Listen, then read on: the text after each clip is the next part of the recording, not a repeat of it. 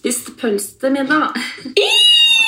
Hei, folkens! Oh my god. Oh my god, oh my god. Jeg og Markus har eh, endelig fått eh, roomien vår nå på plass. Det er helt nydelig. Hun er ute på butikken nå, så nå, eh, nå benytter jeg sjansen til å skrike. I dag så er det mandag 4. januar, og jeg har tatt meg to ukers ferie, og det har vært Dagens podkastgjest er Nelly Krokstad. Nelly er influenser og YouTube-stjerne med nesten 100 000 abonnenter. Temaet er fortsatt kjærlighet, og Nelly hun snakker åpent om det meste. Og I dag så deler hun fra barndommen sin, oppveksten, og hun forteller faktisk noe som hun aldri har fortalt til noen før. Vi snakker om ja, kjærlighet og om utroskap om hvordan Nelly egentlig har det, og har hatt det.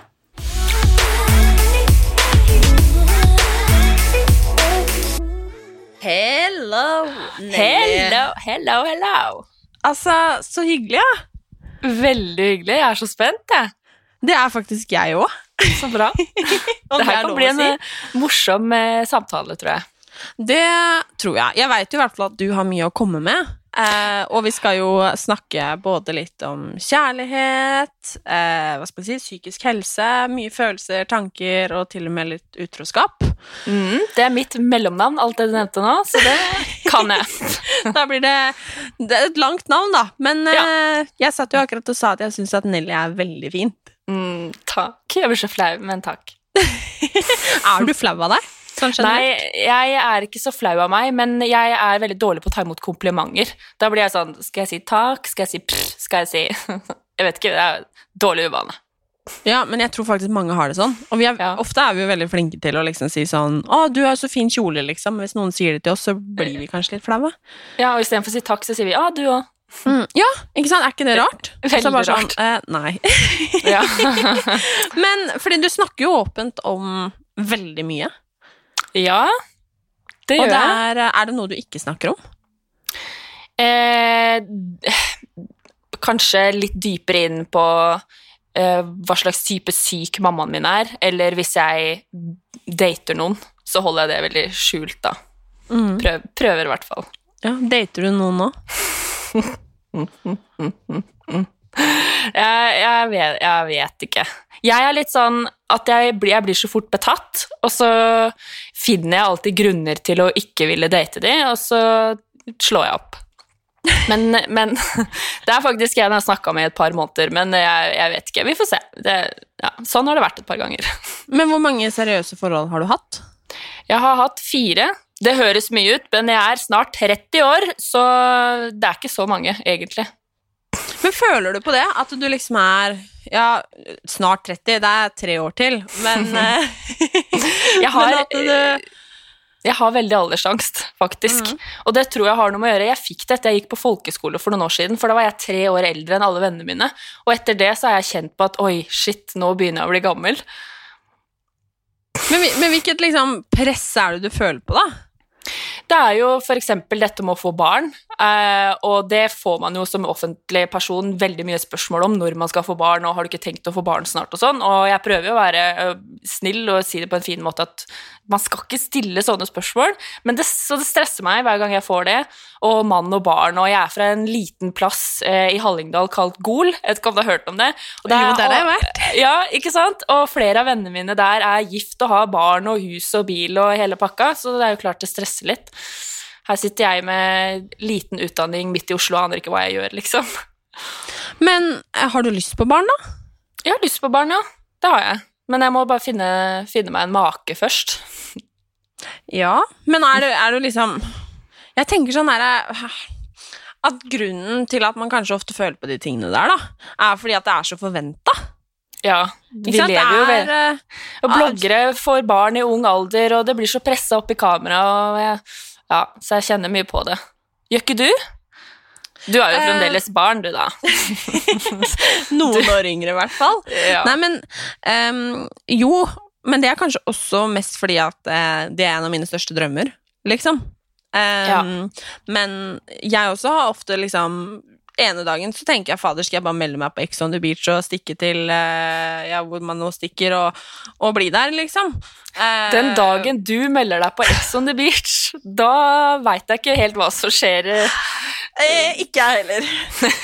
Poenget da er liksom Ja. den derre å få den der panikken at shit, dette begynner faktisk å bli voksen. Mm. Og det er sånn eh, Når jeg og kjæresten min nå har kjøpt eh, leilighet, liksom, og, og det er ingen som snakker om hvor mye papirarbeid og tekniske ting som må ordnes. Nei, nei, Det er liksom sånn Å, vi har kjøpt leilighet. Eh, ja, men det tar liksom Altså, du aner ikke hvor mye jobb det er. Mm. Eh, og bare sånn derre Jeg husker den der panikken jeg fikk når jeg liksom skulle kjøpe avokado til fredagstacoen første gang alene. Altså, vet Ja. du hvor dyrt det er? Ja, kjempedyrt. Og det er liksom bare den der panikken og liksom det derre Og så tenker jeg av og til sånn Ok, hvem skaper disse forventningene, da? Mm. Og det er jo liksom forventa at ok, man skal gå på videregående, man skal gjøre det bra, man skal begynne å studere, aller helst med en gang, så skal man finne seg en man kan leve lykkelig med alle dager, liksom. Og Mm. gifte seg og så få tre kids, liksom, og hvitt hus med stakittgjerde og bikkje, liksom. Eller bikkje kanskje først, da, for man, man burde prøve det før man får eh, kids. for seg liksom. unge. Altså, ja, det er jo liksom åh, Og det er sånn, på en måte så er det drømmelivet, på en annen måte så er det jo kan man jo kjenne på panikken, liksom. Ja. Men jeg var ikke sånn i det hele tatt før, og det har jeg alltid sagt at det er derfor jeg har drevet med YouTube, fordi jeg, jeg liker at jeg kan jobbe hvor som helst, og jeg liker det uforutsigbare, da, samtidig som jeg liker å ha kontroll. Men nå i det senere tid så har jeg på en måte kjent litt på at åh, nå gleder jeg meg litt til det A4-livet. Jeg kjenner jo at 2020 skulle jo være det året hvor jeg skulle ut og reise og liksom eh, sprelle fra meg det siste, og så skulle jeg på en måte settle down. Men så nå føler jeg jo at livet står jo på vent av korona, ikke sant, så det er jo enda et år waste. Så er det sånn «Hva Svarte, nå nærmer det seg 30-åra. Men jeg tror vi er veldig flinke på å skape akkurat det presset der sjøl også. Eh, fordi alle har jo ganske høye forventninger til seg selv. Det er jo ikke så sunt, men det, man har det jo. Men har du, hvilke forventninger har du da til en partner, liksom? Jeg liker å si at jeg ikke har så høye krav, men eh, jeg har jo merka med datingåra at det, jeg har jo det. Eh, lojalitet er jo det aller viktigste for meg, da jeg har gått gjennom eh, et forhold med utroskap. Eh, og det var jo en helt absurd grunn eh, til det, hvis du vil høre. Eh, veldig gjerne. Men jeg- tok han i å være utro, og så sier han, sier han at det er fordi at han følte han levde i skyggen min, fordi han ville leve det livet som jeg levde, men han ville ikke ha hjelp til å komme dit, og da måtte han være med jenter som han følte han kunne se ned på, som hadde en vanlig jobb som bare frisør, eller bare en ansatt på en butikk, eller bare en Det var grunnen. Så fordi jeg lyktes og fikk til ting, så, så følte han at han var underdanig og lite verdt, og da måtte han ha Ja. Så jeg vet ikke om jeg skulle le eller gråte da han satt og fortalte det her, men det, ja, sånn er det. Så det har jo vært veldig sånn problematisk i senere tid da, å være stolt av det jeg har fått til. Så Altså, få høre. Dere var i et seriøst forhold? ja, ja. Vi var sammen, sammen? i Nei, det gjorde vi ikke. Eh, vi, men vi var sammen i, i to år. Så Ja. Men hvordan fant du ut altså, at Greia- han var utro? Greia var at eh, jeg var jo offentlig med han på YouTube, og så ble det slutt en liten periode, og så når vi begynte å date igjen, så valgte jeg å ikke fortelle det. Eh, Men så var han på besøk hos meg i Oslo, og så tok jeg et bilde av at han hadde armen sin på brystet mitt, og der hadde han et armbånd som en jente kjente igjen. Eh, Så hun kontakta meg og sa at hei, roomien min har snakka med han i åtte måneder. Og han, ja, så det var jo ganske rart og surrealistisk å føle at nesten et år av livet ditt bare var ljug.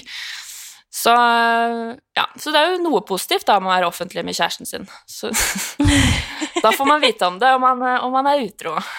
Men, men hvordan i alle dager var det for deg? Trodde du at det var mannen i ditt liv? Ja, og jeg var veldig sånn at eh, For han visste ikke helt hva han ville i livet, og derfor så ville han kanskje flytte, og jeg bare Ja, men jeg kommer etter, og jeg hadde ikke fast jobb, jeg hadde så vidt eh, penger fra YouTube, liksom. Så eh, jeg var klar. Så det, jeg trodde han var det òg, men det stemte jo ikke. Men fikk du da liksom panikk, for da Hvor mange år blir Da var du 24?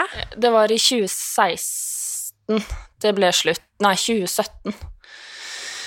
Eh, så da, ja eh, Da ble jeg jo litt sånn Ok, greit, da må jeg starte på nytt. Da kommer det jo til å ta sikkert et par år før jeg klarer å stole på en ny, og så tar det jo kanskje ett år.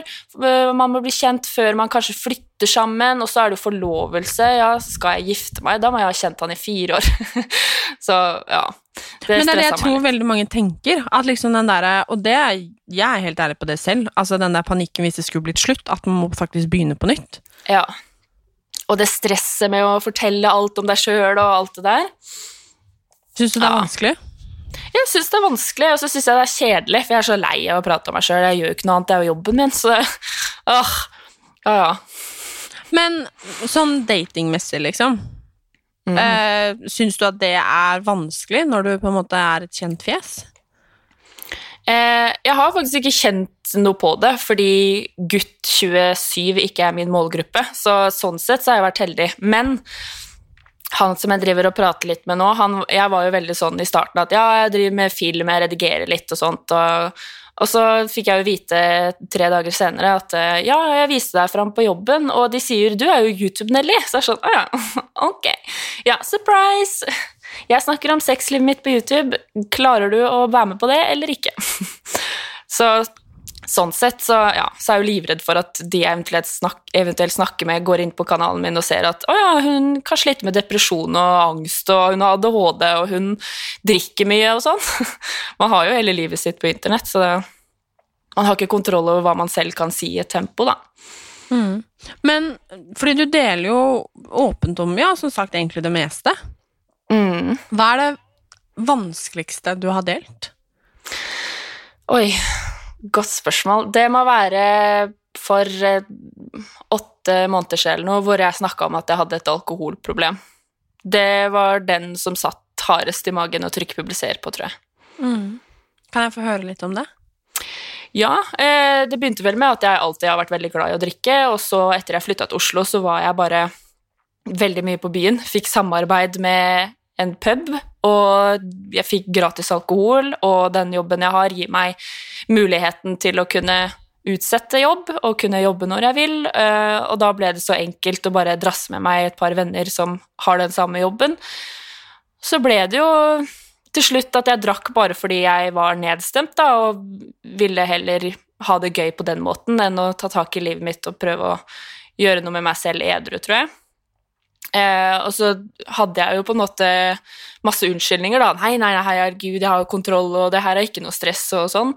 Eh, men så til slutt så oppdaga jeg jo at eh, her er det et problem. Så det var vel egentlig når korona kom i starten, og pubene stengte, at jeg virkelig kjente på at oi, så deilig jeg har det med meg selv nå, plutselig, når jeg ikke drikker så mye.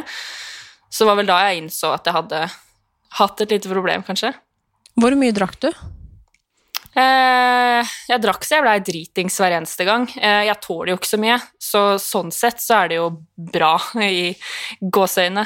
Eh, men det ble jo mye, mye sprit. Det var sikkert ti-tolv drinker på byen, bare det, og så sprit hjemme òg. Vodka Red Bull, og det Red Bull for angsten er ikke så bra, så det var jo ja, en rar periode av livet mitt. Mm. Men når var første gang du liksom Hva skal man si Følte at du krangla med egen ja, psykiske helse, da, liksom? Ja, når tenker du på første gang jeg krangla, eller hva? Ja, eller første gang du liksom det, Du kanskje skjønte at du Eller kjente på at Hva skal man si, da? Eh, at depresjon, da, for eksempel. Når du liksom, eller angsten. Når det var liksom første gang du kjente på de følelsene.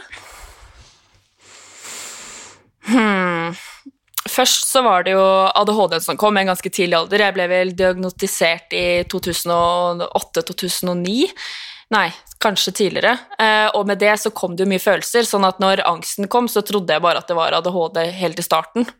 At jeg blei litt sky og um, Men jeg har jo alltid vært ekstrovert, så jeg begynte jo å reagere på at jeg plutselig ikke turte ting. Men så skyldte jeg litt på at ja, jeg er jo oppvokst med en uh, mamma med angst, da, og kanskje jeg har bare tatt litt fra henne at ja, det er farlig å gå på butikken etter klokka åtte, og det er folk som ser på deg, de dømmer deg alltid og sånn. Um, ja, kanskje når jeg var lærling i 2012, etter, rett etter russetiden, at jeg kjente jeg skulka mye jobb og sånt, fordi jeg plutselig ikke turte å møte opp og Ja. Så det var ganske seint, egentlig. Mm. Depresjonen, da? Eh, den kom jo noen år seinere. Oh, jeg har ikke gått ordentlig inn i meg selv med det her. Ehm, Og så kommer jeg, og så skal jeg nei, nei. borti. Liker en utfordring. Men uh, det kan hende at det er tidligere òg. Men det er ikke så viktig den- med datoene, holdt jeg på å si. Nei, men eh, jeg var veldig eh, isolert da jeg jobba eh, i barnehage, fordi da var alle vennene mine hadde flytta eh, da jeg var lærling, og jeg flytta for meg selv for første gang, satt mye alene. Eh, oppdikta venner å prate med, eh, og var veldig ensom. Så det bygde seg vel opp der i ja, 2010, 2011, 2012 en gang. Mm. Og hvordan er det nå, da? Hvordan har liksom altså, korona og lockdown vært?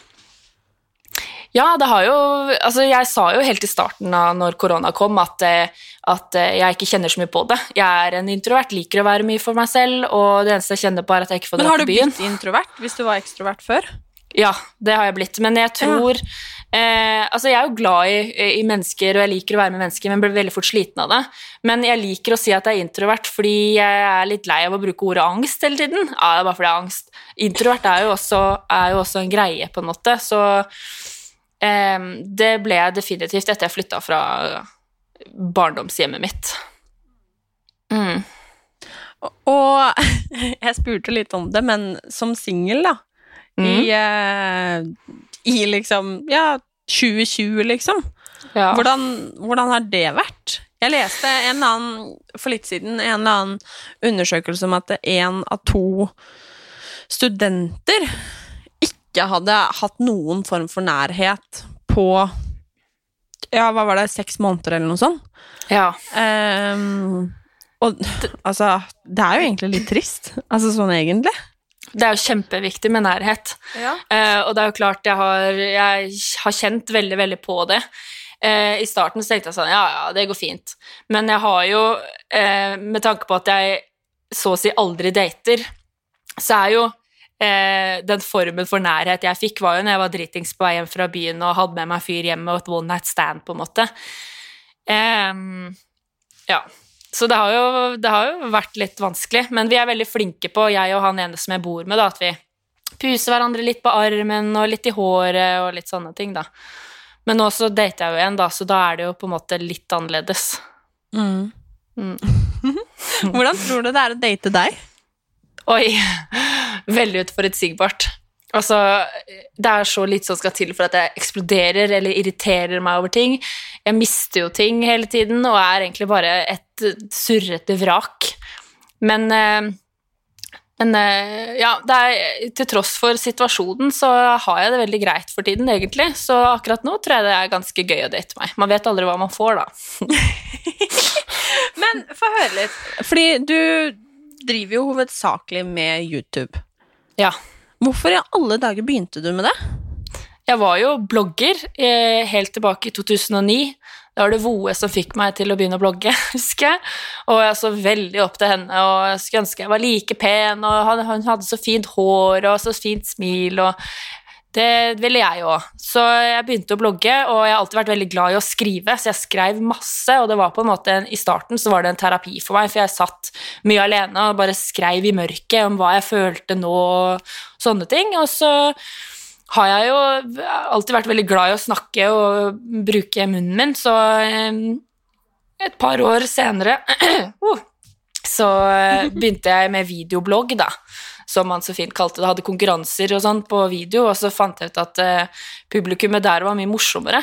Og, og at jeg følte jeg hadde mye mer å komme med da, hvis jeg kunne bruke hender og være litt mer sånn. Så til slutt så mista jeg all interesse for blogg, og så ble det bare YouTube. Og hva er liksom målet ditt med det? Målet mitt med YouTube har jo forandra seg egentlig fra år til år. Eh, bare jeg ser tilbake på hvordan jeg var for to år siden, så det får meg jo til å ville brekke meg selv, selv om jeg ser eh, at det skal være viktig at man skal like seg selv og skal ikke være så hard mot seg selv. Men eh, jeg har forandra meg mye, og eh, ja. Målet mitt er eh, å treffe de som ikke føler seg truffet ellers i samfunnet. Være en slags storesøster er jo det jeg har sagt at jeg mål, skal være målet mitt. At jeg skal være en talsperson for unge, og at jeg skal være en som de kan se opp til. da. Og se at selv om man sliter med litt, eller selv om man er rar, så har man venner og man får ting til å funke, da. Ser du på deg selv som rar? Eh, ja. Men jeg syns at eh, rar har et feil stempel. Jeg syns det er fint å være rar, det er unikt å være rar, og du får mye mer ut av personer som er rare. Jeg hadde jo heller valgt en fargeklatt framfor en som ikke var rar, og som satt stille og ikke sa noe, holdt jeg på å si. Ja. Men du sa jo at eh, du har ADHD. Mm. Hvordan er det i voksen alder? Det kan være veldig utfordrende, eh, rett og slett fordi at når man sliter psykisk, så er det med på å dra deg skikkelig, skikkelig ned, men samtidig så kan det også gi deg et kjempekick. Eh, men det er, jo, det er jo vanskelig når det kommer Du, jo ha, du har jo så mye ansvar som voksen, du skal ha kontroll på ting og fakturaer og sånn og sånn, og jeg har ikke telling på hvor mange andregangsvarsler jeg får fra regningene mine, rett og slett fordi at jeg, jeg glemmer å betale, og jeg, jeg, jeg roter, og jeg har heller ikke telling på hvor mange bankkort jeg har mista, og litt, litt, sånne ting, så det er jo en utfordring. Men jeg har lært meg å leve med det, og jeg finner kjappe utveier. Um, og finner min måte å leve på. Men det, er, det er, kan være litt kaos, spesielt hvis jeg ender opp med noen, da, så er det jo på en måte jeg som aldri burde ha ansvar for ting, så det kan jo være litt, litt vrient og kjedelig. Mm. Men eh, tror du på liksom ekte kjærlighet? Eh, jeg, jeg, trodde på ekte kjærlighet, og så trodde jeg ikke det likevel. Men mm. eh, ja, Nei, jeg, jeg veit ikke. Det er vanskelig. Men jeg bare tenker på det å oppleve et utroskap. Mm. Um, hva gjorde det med deg? Det ødela meg og min, mitt selvbilde, min selvtillit. Jeg følte meg skitten, jeg følte meg ikke bra nok. Eh, man føler skam. Eh, og jeg visste ved meg selv at jeg har ikke gjort noe gærent. Ja, vi krangla litt mye, kanskje, eh, men det er jo overhodet ingen grunn til at noen skal være utro mot deg. Um, så det gjorde jo sånn at jeg ikke har klart å tenke seriøst med en fyr på tre og et halvt år, da. Så det ja. Men hva har du liksom gjort for å bygge deg selv opp igjen, da? Jeg tror det bare har vært veldig godt å være singel så lenge, og det her med at man Det er så klisjé å si det, men at man ikke kan elske noen andre før man eh, elsker seg selv. Og det tror jeg faktisk har Ja, det stemmer veldig godt. Eh, og jeg har lært meg å kjenne meg mye bedre, og jeg har blitt mye mer selvsikker. Eh, jeg kan føle meg stygg en dag, men jeg går på butikken for det. på en måte. Det kunne jeg ikke gjort for et par år siden. og liksom sånne ting da, Så nå føler jeg meg mye mer klar. Mm. Ja. Men hva skal til for at du føler deg best mulig, da? For at jeg skal føle meg best mulig, så må jeg bare ha en riktig dag å våkne på. Og da, sånn, da, da spiller det ingen rolle hvordan jeg, hvordan jeg, ser ut, eller hvordan jeg kler meg, eller hva jeg gjør. Jeg bare våkner opp en dag og kjenner at 'yes, i dag funker det', eller 'yes, i dag Nei, i dag funker det ikke'. Og da er Det sånn, det hjelper ikke at jeg pynter meg, eller hvis jeg grer håret, eller hvis jeg sminker meg. Det, det hjelper. Har jeg en bra dag, så har jeg en bra dag uansett, på en måte. Så sånn sett så føler jeg meg veldig heldig, da. Men på disse dårlige dagene, da? Mm. For at, sånn jeg forstår det, så er ikke det noe du har kontroll over? Nei. Hvordan, hvor ofte kommer de? Det kommer i periodevis, og jeg kjenner det når det kommer. At jeg først blir litt sånn nedstemt og takker mye nei til ting. Og så kjenner jeg at jeg får mindre og mindre energi, og at det eneste jeg har lyst til, er å bare sove. Så jeg sover det bort, rett og slett. Lever på et rom med gårsdagens mat, for gårsdagens mat, masse klær på gulvet gjør ingenting, har gardinene trukket for, og så ligger jeg der til det er over. Prøver å vaske litt klær, prøver å gjøre litt sånne småting, og så når jeg merker at det blir lettere å gjøre det, så er det sånn ok, da er jeg på vei ut igjen. Og jeg vet aldri hvor lang Nei, jeg vet aldri. ja, Jeg vet aldri hvor lang tid det varer. Det er det som er så drit med det. Men nå spør jeg bare for at jeg ikke vet, liksom. Men kan, er det to dager, eller er det to uker, eller hva? Eh, hvis det er et par dager, så er man jo ikke depressiv sånn på den måten som jeg er vant til. Eh, man kan jo leve på autopilot, eh, holdt jeg på å si, og ikke ha noen følelser, og det er på en måte den type deprimert jeg er.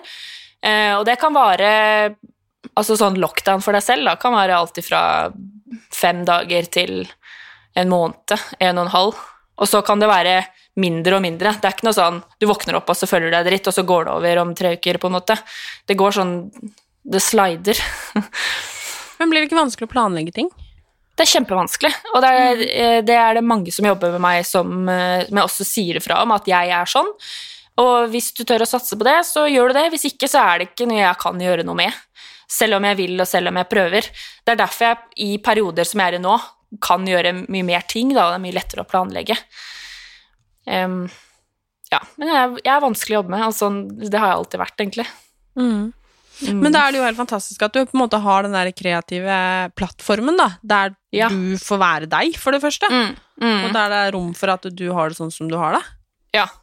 Det er vel litt det som er deilig med den jobben også. Samtidig ikke, for du kan jo ikke sykemelde deg, på en måte. Men da drar jeg fram vloggkamera, så snakker jeg om de følelsene jeg sitter med da, og så publiserer jeg det, og så får jeg på en måte bruk for det òg, da. Men apropos liksom den dating- og kjærlighetslivet og kanskje en potensiell kjæreste i fremtiden, liksom. Ja. Um, og du nevnte jo litt dette med at de bare kan gå inn og så kan de sjekke liksom alt om deg. Du, måte, det er jo ikke noe hemmelig, liksom. Nei. Um, har du, eller syns du det er vanskelig, er du redd for på en måte hva en eventuell partner, hvordan den kommer til å håndtere de periodene? Absolutt. Og jeg tenker jo at hvis det er noe som skjer, hvis det blir en krangel eller hvis det blir uenigheter, så sier jeg litt etter litt at dette skjer fordi at jeg har ADHD, og at eh, da går humøret mitt opp og ned. Og så tenker jeg at eh, når nedstemtheten kommer og sånt, så sier jeg det eh, litt sånn svakt, at ja, jeg er litt lei meg for tiden og sånn, men, eh, men jeg merker, sånn som en person her som jeg har snakka med i tre måneder, at jeg, jeg er ikke klar for å si at jeg kan slite psykisk og sånn og sånn, da. Selv om når man snakker om vanlige ting, at man kan på en måte eh, smelte det litt sammen, da. Eh, at man har gått gjennom litt, og at man kjenner litt på det og sånt. Men eh, ja. Men det, jeg tror det er fordi at det er så mange som snakker om psykisk helse for tiden, og at folk ikke tar det seriøst lenger. Og det er sånn Å ja, enda en. Har du noen gang opplevd at en du eksempel har snakka med, eller noe sånt, på en måte har eh, snudd seg godt, liksom, fordi at du har fortalt det? Nei, fordi at jeg er ikke åpen om det så tidlig. Så jeg lurer dem inn. Lurer dem inn til meg, sånn at de blir glad i meg, og så slipper jeg bomba. Jeg er deprimert! Nei da. Men hva gjør du eh, Altså, det er nesten rart å sitte og le av at, at du sier det, Det- men eh, Nei da. Det er, sånn man kommer, det er sånn man klarer å snakke om det, føler jeg. mm. Men hvordan jobber du hva skal man si, mot det, holdt jeg på å si, eller for det, eller altså for å bli kvitt det, liksom? Tror du at du noen gang blir kvitt det? Eh, kanskje ikke fullt og helt, men at man finner måter å leve på. Men jeg har jo gått til eh, flere psykologer og psykiatere og sånt. Eh, og så prøvde jeg når jeg flytta til Oslo igjen, men så tok ikke hun meg seriøst, så etter det så bare ga jeg opp. Eh, og så tenker jeg nei, vet du hva, da får jeg bare klare meg. Så jeg har heller tenkt på å dra til en sånn life coach, som heller kan guide meg litt sånn gjennom livet, for jeg tror det er litt det. At, eh, at det er det jeg trenger fremfor å ha noen å snakke med, på en måte, da. Men hvor viktig for deg er det å prate om disse tingene, da? Fordi du gjør jo egentlig det veldig ofte i Ja, på YouTube, for eksempel, eller Instagram, eller Ja. Jeg merker jo eh, Hver gang jeg snakker om det, så merker jeg jo at det er viktigere og viktigere og viktigere, fordi at jeg får jo bare mer og mer tilbakemeldinger fra disse søte barna som føler det samme. Eh, så det er jo definitivt all motivasjonen min. Pluss at det er en terapi selv å snakke om det òg. Ja. Men du når jo ut til eh, veldig mange mennesker. Mm. Syns du av og til at det er tungt å få disse meldingene også? Det er kjempetungt, og jeg får ofte mm, meldinger og bilder av hva folk gjør med seg selv. Eh, og det har jeg lenge vurdert å lage en video på om jeg skal be, be de stoppe med, fordi at det ødelegger meg, men samtidig så vil, er det jo viktig at de er åpne, og at de føler at de kan ha noen å snakke med. Så det er en veldig vanskelig situasjon, akkurat det der. Det er det. Men nå er jo du 27. Å, herregud. ja. Du kan le, du har mange år igjen. Uff. Det har heldigvis du òg, da. Tross alt. Mm. vi får se. Men eh, nei, for Gud. For Gud, faktisk. For Guds skyld. Det håper jeg jo virkelig. Ja, det håper jeg òg. Men eh, Nå var det egentlig ikke det jeg skulle spørre om, men siden du sa akkurat det der, Ja. har du noen gang Dette er sikkert veldig personlig, da, men har du noen gang tenkt at det kanskje ikke er, er vits mer, liksom? Mange ganger. Men ikke de siste åra. Mm. det er ganske mange år siden jeg følte det sånn. Og jeg prøvde jo faktisk eh, et par ganger òg, da jeg var 14-15 år. Og bare vet Nå orker jeg ikke mer. Og så var det Det her har ikke jeg sagt før, faktisk, på internettet, tror jeg. Men eh, det var jo en mann som stoppa meg fra å hoppe fra en bro da jeg var 15 år. På togstasjonen. Jeg hadde fulgt kjæresten min til toget, for han bodde i Oslo. Og så Jeg vet ikke helt hva det var, men jeg var pubertal og hadde mye tanker i hodet, og så bare, vet du hva, nå Og så kom det bort en mann, og så strøk han meg på ryggen, og så spurte han meg om det gikk bra. Så det Ja. så, men jeg har ikke det sånn nå mer, da. Det er jo tolv år siden. Ja. Ja. Hva, hva Så- svarer man? Nei, man trier jeg vet da faen, jeg. Men jeg har det bra nå, da. Nå er det veldig bra. I forhold. Men for det jeg egentlig skulle spørre om, var liksom hvis vi skrur tiden ti år tilbake, da, fra til du Mm. var 17, liksom. Ja. Hvordan, hvordan hadde du det da? Det var vel da jeg var 17-18 at det begynte å skjære seg, da. Jeg begynte å bli voksen og tenke Eller voksen. Jeg er jo enda ikke voksen, men det var vel da jeg begynte å tenke at nå har jeg mer og mer ansvar. Men jeg, var jo, jeg hadde jo ettervern i barnevernet fram til jeg var 23, så jeg følte meg jo alltid trygg, da. Ehm, og dette vet ikke jeg, men hvorfor var du i barnevernet? Jeg var i barnevernet fordi mamma sliter og sleit veldig psykisk med angst og depresjoner og hele pakka. Så jeg fikk jo ikke den eh, oppfølgingen jeg trengte, da. Så jeg flytta jo i fosterhjem da jeg var 14. Så det, ja. Hvordan var det? Det var rart. Det var veldig rart. Men eh, det var veldig fint i starten, for de hadde stort hus og flere biler og hunder, og jeg hadde søsken, og det var liksom hele pakka. Men så ble jeg slått der, så ble jeg flytta til et nytt et. Og det er de på en måte jeg har hatt som ettervern, da, siden jeg var 19, 18 Nei, hvor gammel var jeg? 16 var jeg. Har du fortsatt kontakt med de? Ja, så jeg feirer jul med de hvert år. Å, gjør du? Så, ja, ja, så de har blitt hyggelig. min family, da. Herregud, det er jo helt fantastisk. Mm. Mm. Men tror du at det er arvelig? Hva da? Altså Psykisk angst, helse? For eksempel? Ja. Nei, jeg tror ikke det er arvelig. Eh, men jeg tror Ja, godt spørsmål. Jeg tror at jeg eventuelt har klart å utvikle det fordi jeg er oppvokst med en redd mamma som har vært redd for alt. Og så med angst så kommer jo som regel depresjoner også, fordi man går jo mye inn i seg selv og tenker mye. eh, I tillegg til ADHD-en, så det er jo ganske Det er jo tre ganske alvorlige Eller alvorlige ADHD er jo ikke så alvorlig, men det er jo humør uh, ustabiliserende, alt, jeg på- ustabilt, alt sammen. Så det er jo en dårlig kombo. Men jeg tror, jeg tror ikke det er arvelig. Nei. Nei. Så du er ikke redd for liksom hvis Altså, dette her kan jeg ingenting om. Eh, Men det er, sånn, det er ikke sånn at du tenker sånn Ok, hvis jeg får barn, så får de det automatisk, liksom? Nei, det tror jeg ikke. Nei. Samtidig Nei. så har du jo en enorm erfaring, da, til å liksom kunne forebygge. Det er jo absolutt det, og det er jo derfor Jeg har jo fagbrev i barnehage, og det er jo en grunn til at jeg ville jobbe i barnehage, og det var jo fordi at jeg vil gi barn det jeg ikke fikk, og jeg er veldig flink til å se barn, da, og ta dem på alvor, og høre på hva de har å si, og sånt, så jeg bruker det absolutt til både det og til YouTube og med venner og ja, Full pakke.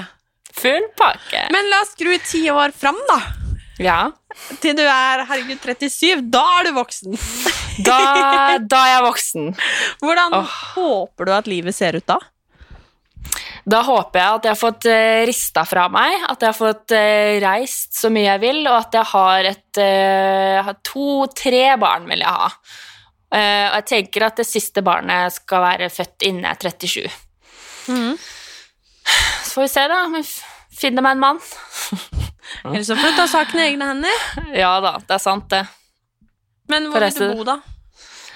Jeg vil eh, Jeg liker Oslo veldig godt, eh, men jeg tror Ja, godt spørsmål. Jo, jeg vil kanskje oppfostre barna mine i Oslo. Litt på utkanten, ikke i midt i. Litt sånn hvor man kan få fred og sånn. Og så vil jeg kanskje ha det her stakettgjerdet. Hvite stakettgjerdet. Eh, og jeg tror at jeg higer litt etter det nå som jeg er blitt eldre, fordi at jeg aldri hadde det selv. Eh, så da, ja, gift er jeg kanskje. Håper jeg er gift. At jeg har eh, For det også er veldig viktig for meg at mine barn skal ha eh, en far som bor hjemme. Har du kontakt med din pappa? Eh, veldig lite. Det går i perioder. Litt ettersom jeg føler for det, egentlig. Men eh, jeg stoler ikke på han, eller jeg henviser meg ikke til han hvis det er noe jeg lurer på, da. Men jeg, jeg vet at han er her. Han bor i Oslo, liksom, så det er sånn Ja, ok, vi kan prøve å møtes, og så Ja. Og jeg vil ikke at mine barn skal ha det sånn, da. Så ja. Men eh, du har, snakker jo veldig mye Eller, det hørtes veldig voldsomt ut. Men du snakker jo om eh, å- helt åpent om sex og samliv, egentlig. Eh, hvorfor er det så viktig for deg? Ja, hvorfor er det så viktig for meg? Det var ikke viktig for meg i starten. Da brukte jeg det mer som eh, å skape debatter og være så åpen om det. Eh, og jeg tror at i starten, da når jeg ikke visste hva jeg kom til å få for feedback og sånn, så gjorde jeg det fordi jeg ikke har noen grenser på noen ting. Jeg snakker åpent om det og gjorde det som et varemerke. Det er meg, da. Og så merka jeg jo all responsen jeg fikk, og alle spørsmålene. Det var gutter oppe i alder av tolv år som spurte om de kunne bli gravide, og da tenkte jeg sånn Ok, her er det jo et eller annet som skurrer. Og da jeg også starta å snakke om det, så var det ikke som jeg kan huske en eneste person som snakka så åpent om det, da. Og da tenkte jeg, vet du hva, da kjører jeg i gang. Og så fikk jeg jo veldig mye visninger, og så tenkte jeg hm, det her er noe folk liker. Og så har, har jeg bare blitt mer og mer selvsikker når jeg har snakka om det. Så det er vel derfor jeg har fortsatt med det. Og kjærlighet er jo viktig, og jeg er jo glad i kjærlighet og sex og nærhet. Ja, men det er jo viktig. Ja. Ja. Men hva er det beste med å være singel, da? Det beste med å være singel må vel være at du kan At du Ja, godt spørsmål. At du ikke trenger å spørre om ting eller ta opp ting med en annen. At du bare De tankene du sitter med, de kan du styre over selv, på en måte. Kanskje. Du kan gjøre hva du vil når du vil. Men samtidig er jeg jo en veldig kjærestesyk person. Jeg har jo vært i fire lange forhold, så eh, ja, det er jo litt trist noen ganger. Ja, for jeg skulle spørre om det om du er liksom, hva sier man, eh, kjærestetypen eller ikke, men det høres jo ut som at det er kanskje det du er. Jeg er veldig kjærestetype. Jeg elsker å skjemme bort. Og pyske og kjøpe gaver, og nå i julen så er det så hyggelig å ha noen å se julefilmer med, og ja. Det kommer, Ja. håper jeg. yeah. Tror jeg. Ja da. Ja, Ja. jeg tror det. Mm. Siden du liksom er så åpen da, om deg og ditt, Mm. og du får mange henvendelser, for det gjør man jo gjerne hvis man er åpen om noe, Um, ja. um, har du noen råd til, eh, ja, for så vidt enten på 17, 27 eller 37, liksom, alt ettersom, men som du liksom kan gi, hvis det er en som sliter med angst, for eksempel, eller depresjon, eller rett og slett bare har det litt vanskelig akkurat nå. Mm. Eh, det er først og fremst å slutte å kjempe mot deg selv. Eh, jo fortere man aksepterer at man er som man er, jo lettere er det å jobbe med, da. Eh, fordi det gjorde jeg. Jeg kjempa veldig mye mot, og jeg prøvde å trosse hele tiden, og jeg er ikke sjuk, og jeg nekta å ta imot medisiner og sånn og sånn, og det tok da får man jo ikke jobba noen ting med seg selv. Så bare godta at det er et faktum, og heller søk hjelp. Ehm, det er deilig å kunne snakke med noen man kanskje ikke kjenner, for da tør man å være litt mer åpen, altså en profesjonell, for eksempel, da. Og så ta ting som det kommer. Kjenner du at du har en dårlig dag, da skal du kjenne på at du har en dårlig dag. Ikke prøv å um, gå ut av komfortsonen så altfor ofte, da. Er trygghet viktig for deg? Trygghet er kjempeviktig. Det er alt. Og det, er jo, det gir meg jo den følelsen av at jeg ikke føler meg i veien, eksempel, og da kan jeg være meg selv. Trygghet er viktig. Jeg syns du er ganske viktig, og enig. Å, du er viktig, du og Martine. Jeg er innmari glad for at du hadde lyst til å skravle med meg. Jeg er glad for at jeg kunne være her og skravle med deg. Og rett og slett være sykt ærlig. Jeg fikk jo til og med vite ting om deg som jeg ikke visste. Mm. Og uh, veldig glad for at du er åpen og ærlig. Og jeg er eh, veldig sikker på at du gjør en forskjell for veldig, veldig mange. Det håper jeg. Det, det veit jeg. Jeg tør Ja. å påstå. Ja, Så takk. tusen, tusen takk. Fortsett å være Takk deg, og så Hva skal vi si om denne kjærligheten, da?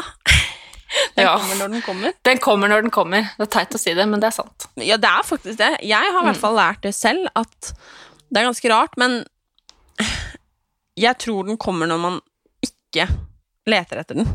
Ja, det er det alle sier. Ja, jeg husker i hvert fall det. Altså, da var jeg veldig ung, men når jeg liksom traff min kjære, så var det liksom det, det var, Jeg traff han typ idet jeg bestemte meg for at nå gidder jeg ikke flere. Nå skal jeg bare Ja. være meg, bare kose meg, bare Og så plutselig sto han der, liksom. Ja. Um, og det er jo ikke nødvendigvis et fasitsvar, det, men det kan jo være greit å huske på at uh, Litt som du sa, da, at kanskje man må være glad i seg selv før man ja. blir glad i noen andre. Mm. Mm. Og så går tiden så veldig sakte når man leter etter kjærligheten. Men hvis du ikke gjør det og fokuserer på alt annet, så plutselig så kommer de. Mm. Mm. Det var Så dagens hang, tips. Hang in there! Ja. Hang in there. Og fortsett å kicke ass, Nelly. ja, takk i like måte. Takk, takk, takk, takk. Skal vi si ha det, da? Det kan vi gjøre. Ja. Takk for at jeg fikk komme. Takk for at du ville komme. Ha okay. det! Ha det!